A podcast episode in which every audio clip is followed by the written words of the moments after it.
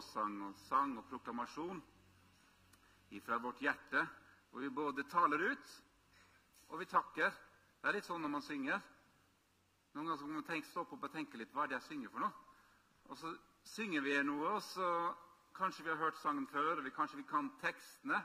Og så begynner det å komme ut fra vår munn, og så skjer det noe inni oss. Så kjenner jeg at inni oss blir vi litt glad eller begeistret. Og så plutselig så slår hodet inn og tenker Hva synger jeg nå? Er det sånn? Ja, men sånn er det. Det her med lovsang, tilbedelse, det kan gjøre noe med oss mennesker som kanskje ikke en preken eller en samtale med noen andre kan gjøre. Lovsang spiller til andre aspekter i oss, på dypet. Også på det området hvor vi, ha, hvor vi har følelser. Og vi, vi ikke alltid tenker ut ifra det rasjonelle, men vi bare opplever. Vi kan få oppleve Guds velbehag fra himmelen synge ut denne lovsangen og tilbedelsen til Gud. Jeg eh, har en overskrift i dag og fikk en superbra introduksjon av André her på eh, budskapet. Jeg kan ta fram første slide. Tro på Jesus. Det her ordet 'tro på Jesus', hva er det for noe? Hvis du spør noen da som ikke pleier å gå på kirka på søndag Kanskje ikke de sier at de er kristne, da. Så sier jeg, 'Hvem er de kristne?' Hva tror du de kristne holder på med, eller hvem er de? Så tror jeg en av de beskrivelsene vil komme på ganske fort, det er at de tror på Jesus. Og Hvis jeg da spør deg som kanskje er her eller hører på, som er en kristen, ja, hva er det for deg å være en kristen? Vi må tenke litt. Det er det og det og masse ting. Men ut tar det enkle For noen ganger så hopper vi til det avanserte tenker vi må, vi må ha noe skikkelig fancy å si og tenke. Men, men, hva er det? Men det er å tro på Jesus. Og hvis vi stopper opp der en lite sekund, hva er det da faktisk det å tro på Jesus? Hva er det å tro på Jesus? I livet så har man jo ulike ting. Eh, og det ofte går sånn at ungdommer da får tak i noe, og det skjer en form for eh, kanskje revolusjon, eller det skjer en oppvåkning, eller ungdommer får, kan være tak i teknologi, kjærlighet, medmenneskelighet, naturen. Og så starter en sånn kraftig bevegelse som kanskje påvirker et helt samfunn, og til slutt påvirker et valg og kursen som tas. Og Da hopper jeg over til evangeliet igjen. Er det sånn det er med å tro på Jesus? Er det med? når en ungdom får tak i noe, det sprer seg en sånn voldsom kraft i et samfunn. Og det til og med påvirker landet. Og Så stopper vi opp og så filosoferer vi. Hva er det å være en kristen? Det her å tro på Jesus. Er det med å påvirke meg? Hvilken betydning har det for meg? Vi hadde en sånn her, noe vi kaller læringsfellesskap. Ulike pinsemenigheter i fylket nå på fredag kveld og lørdag. Og du vet, Vi er litt ulike. Noen elsker å sitte rundt et bord og jobbe i grupper og sånn. Syns det er helt topp. Jeg har ikke helt vært blant de tidligere, da. Men jeg må si at det var veldig fint. Det er fint å sitte rundt et bord og høre hva folk tenker, og hvordan de opplever inni seg. Men det var ikke den læreformen jeg elsket mest da når jeg vokste opp. Men noe veldig fint med det at når du sitter med andre, og du plutselig er satt av en tid så tvinges du til å tenke for at du skal si et eller annet. Og så skal du ikke bare si noe sånn selvsagte greier. Du må jo si noe som kanskje er litt sant. Ikke sant? Og gang, Mange ganger i livet så er vi i prosesser, i situasjoner, hvor vi, det kommer bare det selvsagte ut av vår munn eller våre tanker. Det vi har lært, kanskje det kulturelle, kanskje det som er vanlig å gjøre. Og hvis livet med Jesus og det å være kristen blir alt det selvsagte, alt det kulturelle, alt det vanlige, rutinene. Det er ikke noe gærent med rutiner. Men da var det kanskje ikke noe som preget så mye. Eller det voldsomme potensialet var ikke helt fullheten. Nå fikk vi en sånn gave av vår gode venn Tom. Han så vi hadde en sånn her som slapp litt med, rekke, slet med rekkevidden. Skal vi se om den her tar rekkevidden, ja. Eh, Jesus Kristus, troen på Jesus. Dette er en illustrasjon. Hvis du googler, så kommer det her faktisk ganske mange ganger opp. Du ser en kløft, og så ser du en vei til noe annet. Hvis du fortsetter tilbake til spørsmålet hva er Jesus, hva, hva, hva er det for deg å være kristen, ja, det er kanskje vei til himmelen. Tror jeg også mange hadde tenkt. Det er vei til himmelen. Ta en liten parallell, da. Hvis det er en fotballkamp Nå er det noen som liker å gå på fotballkamp her. Så er det et system. Det er blitt en sånn kulturelt system som fungerer i praksis. Du må ha en billett for å komme inn på fotballkampen, eller årskort. Eller kanskje frivillig, da, så får du være blant de frivillige. Men eh, du må et eller annet som gjør at du kommer inn i den kampen. Er livet med Jesus sånn at vi fikk tak i en billett? Ja, det er jo sånn. Men uh, stopper det der? Jeg tenkte på et annet lite eksempel. En astronaut. Jeg så en sånn Netflix-serie begynte så jeg ble ikke ferdig da. De laga en sånn visjonsreality på at de skulle dra til Mars. Uh, litt interessant. Og så ser du den verdenen hvordan de tenker og sånn. da. Eh, jo, mennesker har ikke vært på Mars ennå, men i den dokumentar-realityen Ikke reality, da, men fiksjon, så kom de seg til Mars. Og Når du går gjennom denne treningen og blir kvalifisert til å være en astronaut, så det er ikke bare sånn at uh, det er ikke sikkert alle her kvalifiserer, og kanskje ikke jeg, og kanskje ikke du heller, til å bli astronaut, for du skal være så mye. Du skal liksom være ekstremt dyktig og smart og doktor et eller annet, flink til masse greier. Du skal ha ekstremt bra syke, faktisk moral, karakter, voldsom evaluering. Og så skal du være i god form. Så det er nesten umulig å nå gjennom det måløyet. Men tenk hvis du har nådd gjennom det måløyet, og så kom du dit, og så ble du kvalifisert, og så fikk du denne romdrakten. Men det skjedde ikke noe mer. Du fikk denne romdrakten hjem, og så ble du sittende og se på denne romdrakten hele ditt liv. Jeg vet ikke om man føler seg litt snytt. Og så hører du at nå skal det være en ny ekspedisjon eller en ny romferge. Og så ble aldri du spurt. Men Du var på noen samlinger, kanskje, men du ble aldri spurt. Er det veldig morsomt å være astronaut da? Jeg tror i hvert fall jeg hadde blitt litt sprø inni meg og vente på at skal ikke jeg få lov å leve dette livet? Sånn tenker jeg litt det her med Jesus. Men faktisk så er det et ganske godt eksempel. For å være astronaut da skal du på en måte være noe kanskje tonesettende og se om det fins muligheter for menneskeheten en annen vei. og Utforske og forske og kanskje være med å sette agenda. Men det her å få Jesus på innsiden, vet du hva? Det er noe mye større enn det. For det å få Jesus på innsiden det har noe med ditt liv i dag og i morgen og faktisk ditt liv i går og ditt evighetstilstand. Det er så mye mer enn å bli kvalifisert til å bli astronaut. Det er så mye mer enn å gå gjennom en sånn her trening. Og det her livet kan vi leve. I, eh, når du googler, da Skal vi se hvis den her virker, da. En gang til. Hjelp meg da å ta neste slide. Tro, ordet tro. Man tenker litt at uh, hva er det vi funderer livet vårt på? Noen kanskje tenker en ideologi eller naturvern eller et eller annet annet. Kanskje man på penger, noen kunnskap og ferdigheter. Kanskje en tittel eller noe man er født inn i. Hva baserer man livet på? Jeg tror mange havner i denne situasjonen. Eh, er det her verdt det, eller fører det meg noen vei? Jeg tenker For oss som kristne, for nå er jeg litt tilbake til denne, den settingen vi hadde på fredagen og lørdagen. Vi skulle sitte rundt bordet og svare på masse spørsmål i mange timer. Og selvransake deg selv og så dele med de som sitter rundt bordet. Det her å være en kristen og tro på Jesus, hva er den troa for oss? Men det er faktisk slik som det står her, at den troa fører oss en plass.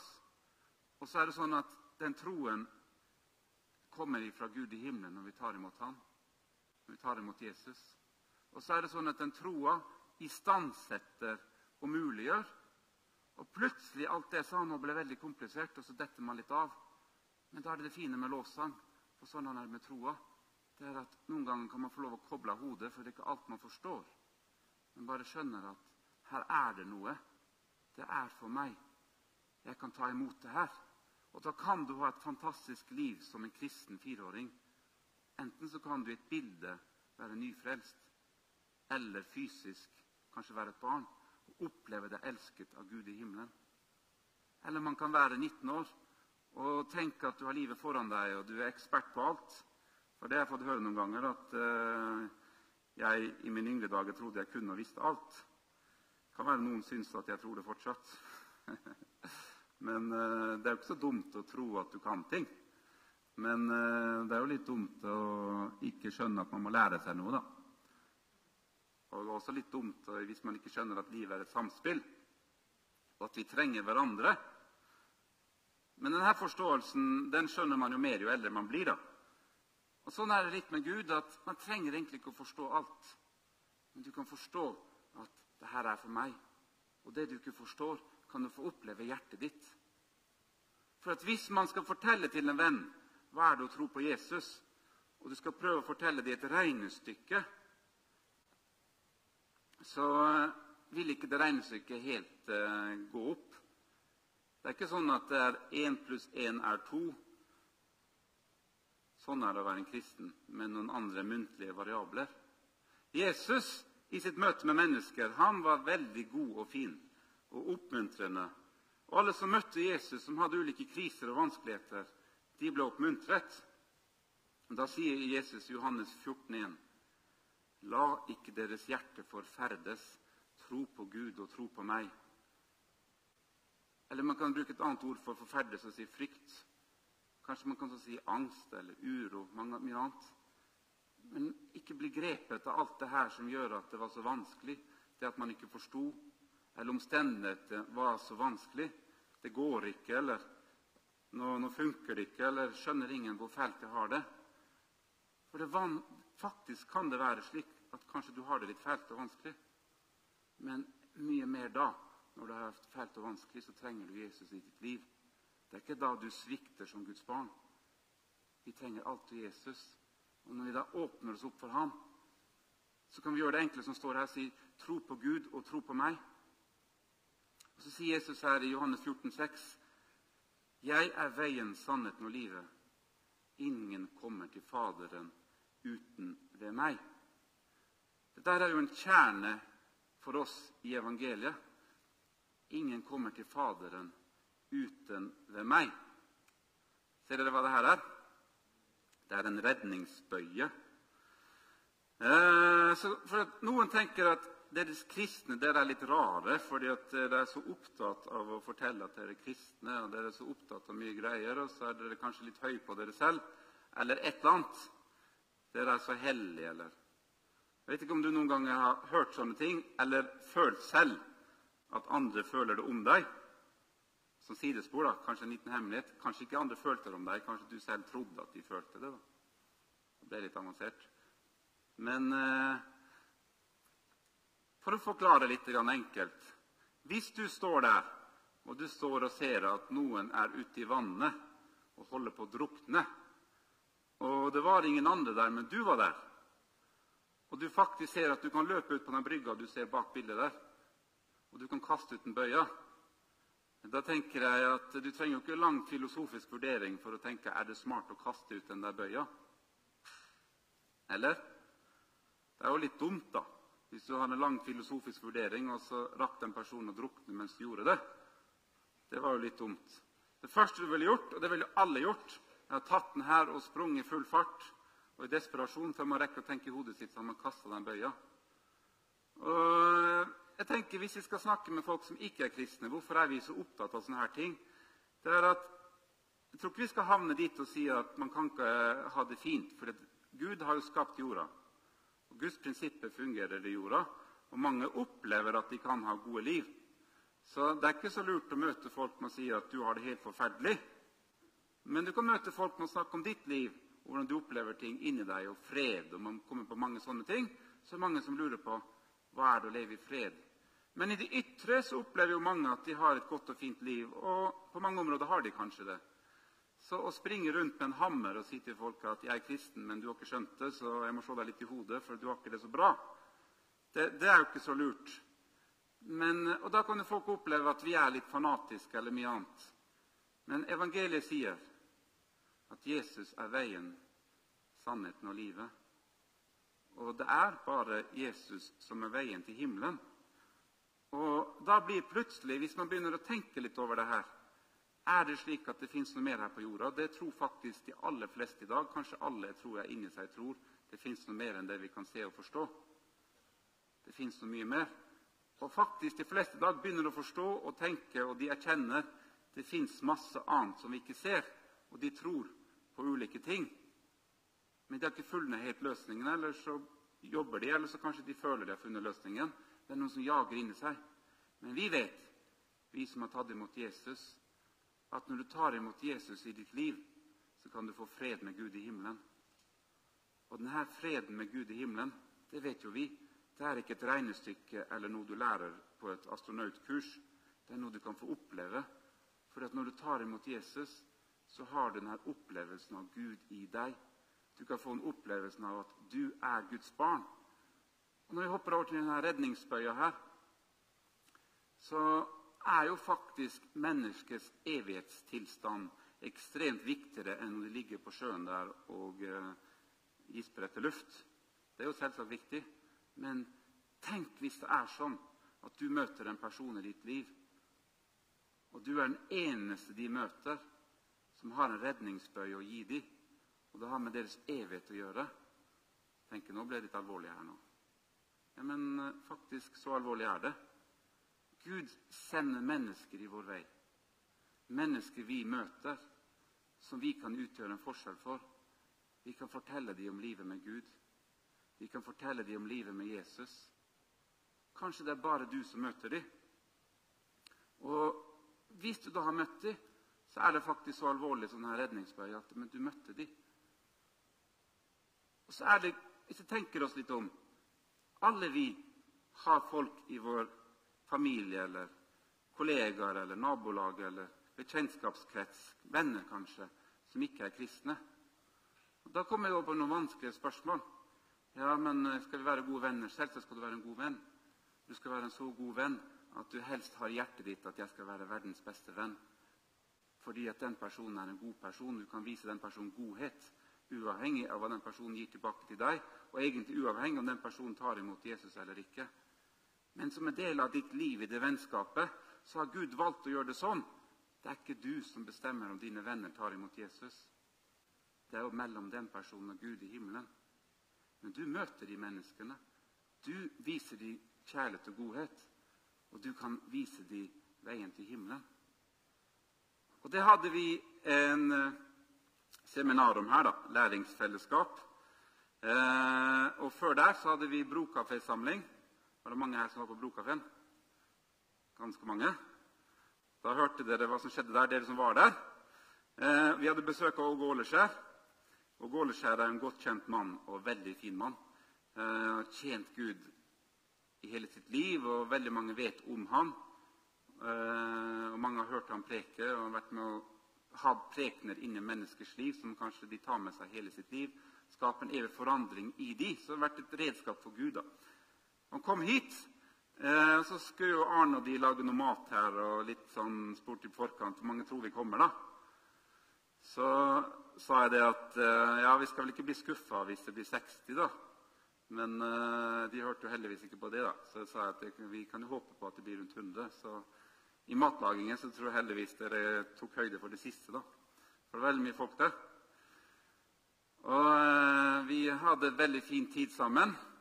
Så hadde jeg snakka med Åge her i forkant. Og øh, Han spurte oss hva har dere i hjertet deres, og hva tenker dere. Og vi snakka litt om hva jeg ønsker om Brokafeen og Brokafeen det som var før. Jeg skal ikke ta hele den samtalen nå. Så kom han med en preken. Og den prekenen var egentlig fantastisk fin. Han hadde tre punkter i seg. Og alle tre punktene handla om Jesus. Han kom ikke, for du tenker Nå kommer Åge Åleskjær. Han skal gi seg essensen av sitt lange liv med Gud. Han skal komme og fortelle oss det her har jeg lært. Nå så sier Herren. Det her skal dere gjøre. Og så skal dere få det fullt her tre ganger hver søndag. Og så skal dere virkelig, ikke sant? Vi har lyst til å høre den prekena der. Vi vil liksom Ja, men hva skal vi gjøre, da? Kan du si hva vi skal gjøre? Så vi får tak i det. Vi er mennesker, alle sammen. Så jeg tenkte, satt der og tenkte Yes, nå kommer det alt det vi ikke har visst. Nå skal vi høre hva, vi, hva er løsningen. Og Da kom han med en sånn preken. Nummer én Jesus Du er utsendt på vegne av Jesus. Eh, ja, ok, det var fint, jeg har hørt før. Og så nummer to du kan be i Jesu navn. Ja vel, fint, jeg har hørt før. Og så nummer tre ta autoritet i navnet Jesus. Men hvis du da stopper opp og tenker det her, så er det sånn at på Jesus sa på Golgata kors det er fullbrakt. Du og jeg vi skal ikke mane fram noe eller prøve å få et eller annet magisk til å skje med våre venner eller i vårt eget liv. Men bare godta jeg er Guds barn. Leve i enkelheten i evangeliet. Denne sannheten som skaper forskjell. Fordi at Åge Åleskjær er jo ikke med meg her i dag, eller med dere som var her, og ikke i morgen heller. Men Jesus han er med oss der hvor vi er. Og når du møter mennesker, så er Jesus der med deg og møter de. Så tenk litt på det her, og la det gå inn i hjertet ditt. Ja, men Det er så mye større enn at Åge Ålerskjær kom og sa en sånn voldsom menneskelig erfaring og kunnskap, så sier Herren. Og det gjør Gud også noen ganger. Det er kjempeherlig og bra. Men det som bærer igjennom i enhver situasjon, og det er det vi skal bygge vårt grunnlag på, det er det denne menigheten alltid har vært bygd på, og som vi bygger på videre, det er evangeliet. Det enkle, sanne, det dype og også kompliserte evangeliet.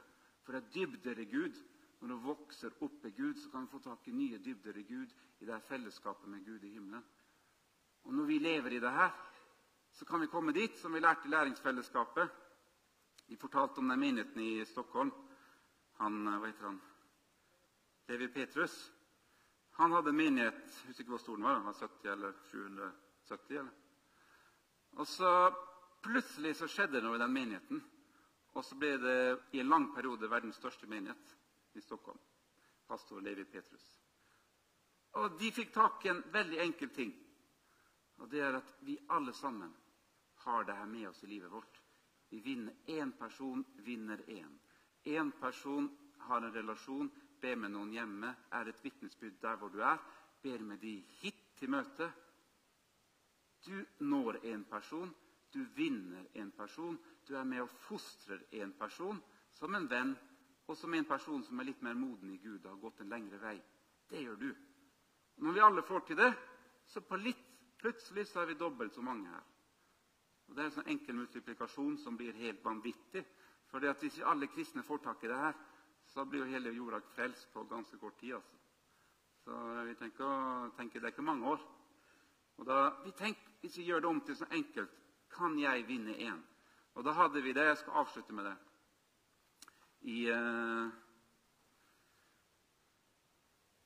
På neste slide. Uh, disiplene var jo sammen med Jesus. De fikk det her vennskapet med Jesus. Hvis du ser i disiplenes liv, det er jo litt spesielt, Peter og de andre der De uh, starta med Jesus. Ryktet gikk mellom de er det her Messias. De har vokst opp i jødedommen, de visste om Messias frelser. Plutselig så, så de en ny side av Jesus. Han er vennen vår. Han er fortsatt Guds sønn, Messias, frelseren. Og så er han vennen vår. Og så plutselig går det tre år, så hører de Jesus begynner å si han skal dra. Så begynner jeg å tenke det kan jo ikke stemme. Må, vi har ikke skjønt hva han sier. Men så sier Jesus til dem, jeg skal ikke etterlate dere farløse. Johannes 14. Det snakker om Den hellige ånd. Så du har ikke med deg Ågåleskjær, men du har med deg Jesus. Jesus har ikke etterlatt deg farløs. Du har med deg Den hellige ånd. Når du har vanskeligheter i ditt liv, du kjenner at 'det her funker jo ikke', 'det her går jo ikke', ja, men Kanskje ikke Ågåleskjær kommer og løser det, men Jesus kan komme inn i ditt liv og hjelpe deg. Våg da å ta de her rundene med Jesus Våg da å si men det her funker jo ikke, Jesus. Jeg har de her problemene. For Noen ganger så våger vi ikke. Vi gjør det her så avansert og vanskelig. Men våg å være personlig. Våg å tømme ditt hjerte og si Gud, sånn her er mitt liv. Sånn her har jeg det. Så skal jeg fortelle deg noe. Mange her kan sikkert skrive under på det og si at det her har vi erfart mange ganger. Men når du begynner å gjøre det der, så begynner Gud å ta tak i ting i ditt hjerte. Det kan skje der og da. Det kan skje over litt tid. Gud begynner å vise deg ting. Og så plutselig så begynner ting å forandres. Og da var det ikke pga. noe Ruben klarte å si her, eller lovsangstimen klarte han lovsang, eller Åge Åleskjær var her. Men det er at det skjer noe mellom deg og Gud i himmelen. Guds ord i deg. At du har Den hellige ånd, kan vokse i det der. Når vi virkelig får tak i det livet der, så vil det skje en eksplosjon. Og Da vil jeg si det at Nå får vi tenkt oss litt om. Hva er det å være en kristen? Jo, det er masse greier. Men si det litt enkelt det er livet mitt med Gud i himmelen. Det er livet mitt med Gud i himmelen. Ikke engangssak, ikke en billett til en fotballkamp. Ikke at jeg bare sa ja en gang, men det er det livet jeg lever hver eneste dag, Gud og jeg, i evangeliet med Den hellige ånd. Når vi får tak i det og kan leve der, så kan vi invitere andre inn i det. Da er vi over til en redningsbøye. Ikke for at vi ønsker å si til folk at 'jeg har redningen, du har problemer'. Nei, men fordi at vi kan være med å gi mennesker godhet, kjærlighet, og lede dem til himmelen. Og disiplene Man kan ta en sånn eh, logisk spørsmål. Var det her egentlig noe greier? Hadde det noe for seg? For Noen kanskje kan bli anstøtt av det bildet her. fordi hvis vi begynner å tenke litt, Han så litt ung ut, han av Jesus. Og så så de jo litt enkle ut, og de var litt unge, de andre òg. Ikke var han professor, ikke var han en erfaren biskop eller noe annet. Hvis du bare tenker menneskelig, ikke sant? Så det er kanskje ikke rart at i skrifter og mange ble litt anstøtt. Hvem er han? Hvem tror han at han er? Men det med Jesus gjorde en så vanvittig forskjell i disiplene at vi står her i dag. Som gjør at du som er her, som er en kristen, sier at det er dynamittet. Gjennom alle årene som har vært, så sitter vi her med Guds ord. Det kan jo ikke et eneste menneske og strategi få til, bare Gud i himmelen. Ikke sant? Det at du har Guds ord i deg, det at du kan lukke din dør i dine problemer og vanskeligheter, dine behov, det er bare Gud i himmelen som kan gjøre det. For Peter er heller ikke her. Og Åle Skjerp var jo her på torsdag. Men Peter har ikke jeg møtt sånn fysisk. Ikke heller i noen annen form. Men, eh, men eh, jeg kan lese vitnesbyrd om han er Guds ord. Ikke sant? Og det vitnesbyrdet, det er egentlig det livet med Jesus. De åpenbaringene som han ga ut. Som var med å forandre en hel verden. Og som fortsatt gjør det så mange år etter. Og Når vi da kristne får tak i det der, det vil jeg tenke at hadde ikke vi tid på fredag og, lørdag og så komme med sånn pensel. Vi har lyst til å komme med fancy svar, da. Men til dere som var der og hørte på meg, det her er mitt svar. Det her er vårt liv med Jesus. Klarer vi alle å få tak i det her? Ikke at Ruben eller noen andre som preker, var så flinke å preke, men får tak i det her livet med Jesus og lever det hver eneste dag. Inviterer andre inn i det der livet. Og da tror jeg jeg skal eh, avslutte med det. Og hvis det hjelper meg å gå til siste slide Siste. Alle dem som tok imot ham, altså Jesus, skal ha rett til å bli Guds barn, de som tror på hans navn. Dette er for alle. Det er for naboen din, det er for deg. For alt, Så enkelt er det. Det var ikke alle som gjorde seg fortjent, det var ikke alle som skjønte ligningen, alle som var ferdig med astronaututdanningen. Nei, så enkelt som det. Du tår imot Jesus i ditt liv. Og Hvis du er her i salen, eller kanskje ser på det her live, eller i ettertid, så er det så enkelt som så at Gud har sendt sin sønn Jesus til verden. Om man tar anstøt av det eller ikke, så er det faktisk sånn at Jesus kom, Guds sønn. Han døde på et kors. Han tok straffen for alt det gale vi har gjort. Og Det der som skjedde, var så mektig at det til og med gjelder alt det gale du har gjort eller gjør i morgen. Og da, når Jesus gjorde det, så seiret han på korset. Og tar du imot den der seieren i ditt liv, så gjør det at du kan få tilgivelse for det gale i ditt liv. Det er på en måte mellom deg og Gud bryter den synden, gjør at du kan være Guds barn. Så kan du si 'Jeg forstår ingenting av det der'. Nei, det kan være. Men du kan kjenne i ditt hjerte at 'ja, jeg kan ta imot Jesus'. Og Når du kjenner det i ditt hjerte, så kan du si 'Jesus, jeg vil leve for deg'. Kan lovsangene komme opp? Jesus, Hvis du kjenner det her og sier det, så trenger du ikke bruke mine ord, men du ber fra ditt hjerte og sier 'Jesus, jeg ønsker å være din venn'. Jeg ønsker å ta imot deg som Herre i mitt liv. Jeg ønsker å bli Guds barn. Jeg ønsker å leve sammen med deg. Hjelp meg å forstå hvem du er, og bli og være Herre i mitt liv. Ber du det, har du bedt en sånn bønn med dine ord, da er du blitt Guds barn, som det står her. Om du ikke forstår alt, så er det faktisk sånn vi som mennesker ofte bruker bildet, det eksempelet. For Jeg fortalte jo det på en tidligere preken. Nå har jeg en unge som vi er Alice, da, litt over to måneder. Og så har vi Lukas som på mandag blir to år. De skjønner ikke alt her i livet, det må jeg jo tilstå å si. Men de har masse forventninger, gleder. De gir oss glede og jobb. Men uh, de, kan, de, skjønner at jeg og Alice er mammaen og pappaen deres. Det er ikke alt annet de skjønner. Sånn er det når du blir Guds barn. Du kanskje ikke skjønner alt, men du kan få kjenne inni deg tryggheten. Sånn som våre barn kjenner tryggheten hos oss, sånn kan du kjenne trygghet hos Gud i himmelen. Så kan du komme her, være på møter, snakke med andre kristne og vokse i Gud, sånn som barn vokser i Gud. Skal vi eh, lovsynge sammen? Vi takker deg, Far i himmelen, for du er god, Herre virke vårt hjerte, Herre. For det handler ikke om at Peter skal komme fysisk til oss, eller Ågålerskjær skal komme fysisk til oss, eller hvor bra preken var her på søndag, Herre. Men det handler om deg, Jesus, å ta imot deg i våre liv. Leve dette livet med deg, Herre. Vi takker deg for frelsen, Herre. Vi takker deg for deg åpenbart, Herre. Vi takker deg for livet i deg. Jeg ber for alle som er her nå, far. Tal til våre hjerter, Herre. La oss stille oss det spørsmålet hva er det å være en kristen, Herre? Og tal inn i våre hjerter. Hjelp oss å ta tak i ting, Herre. Hjelp oss å leve i fullheten av det kristne livet, Herre.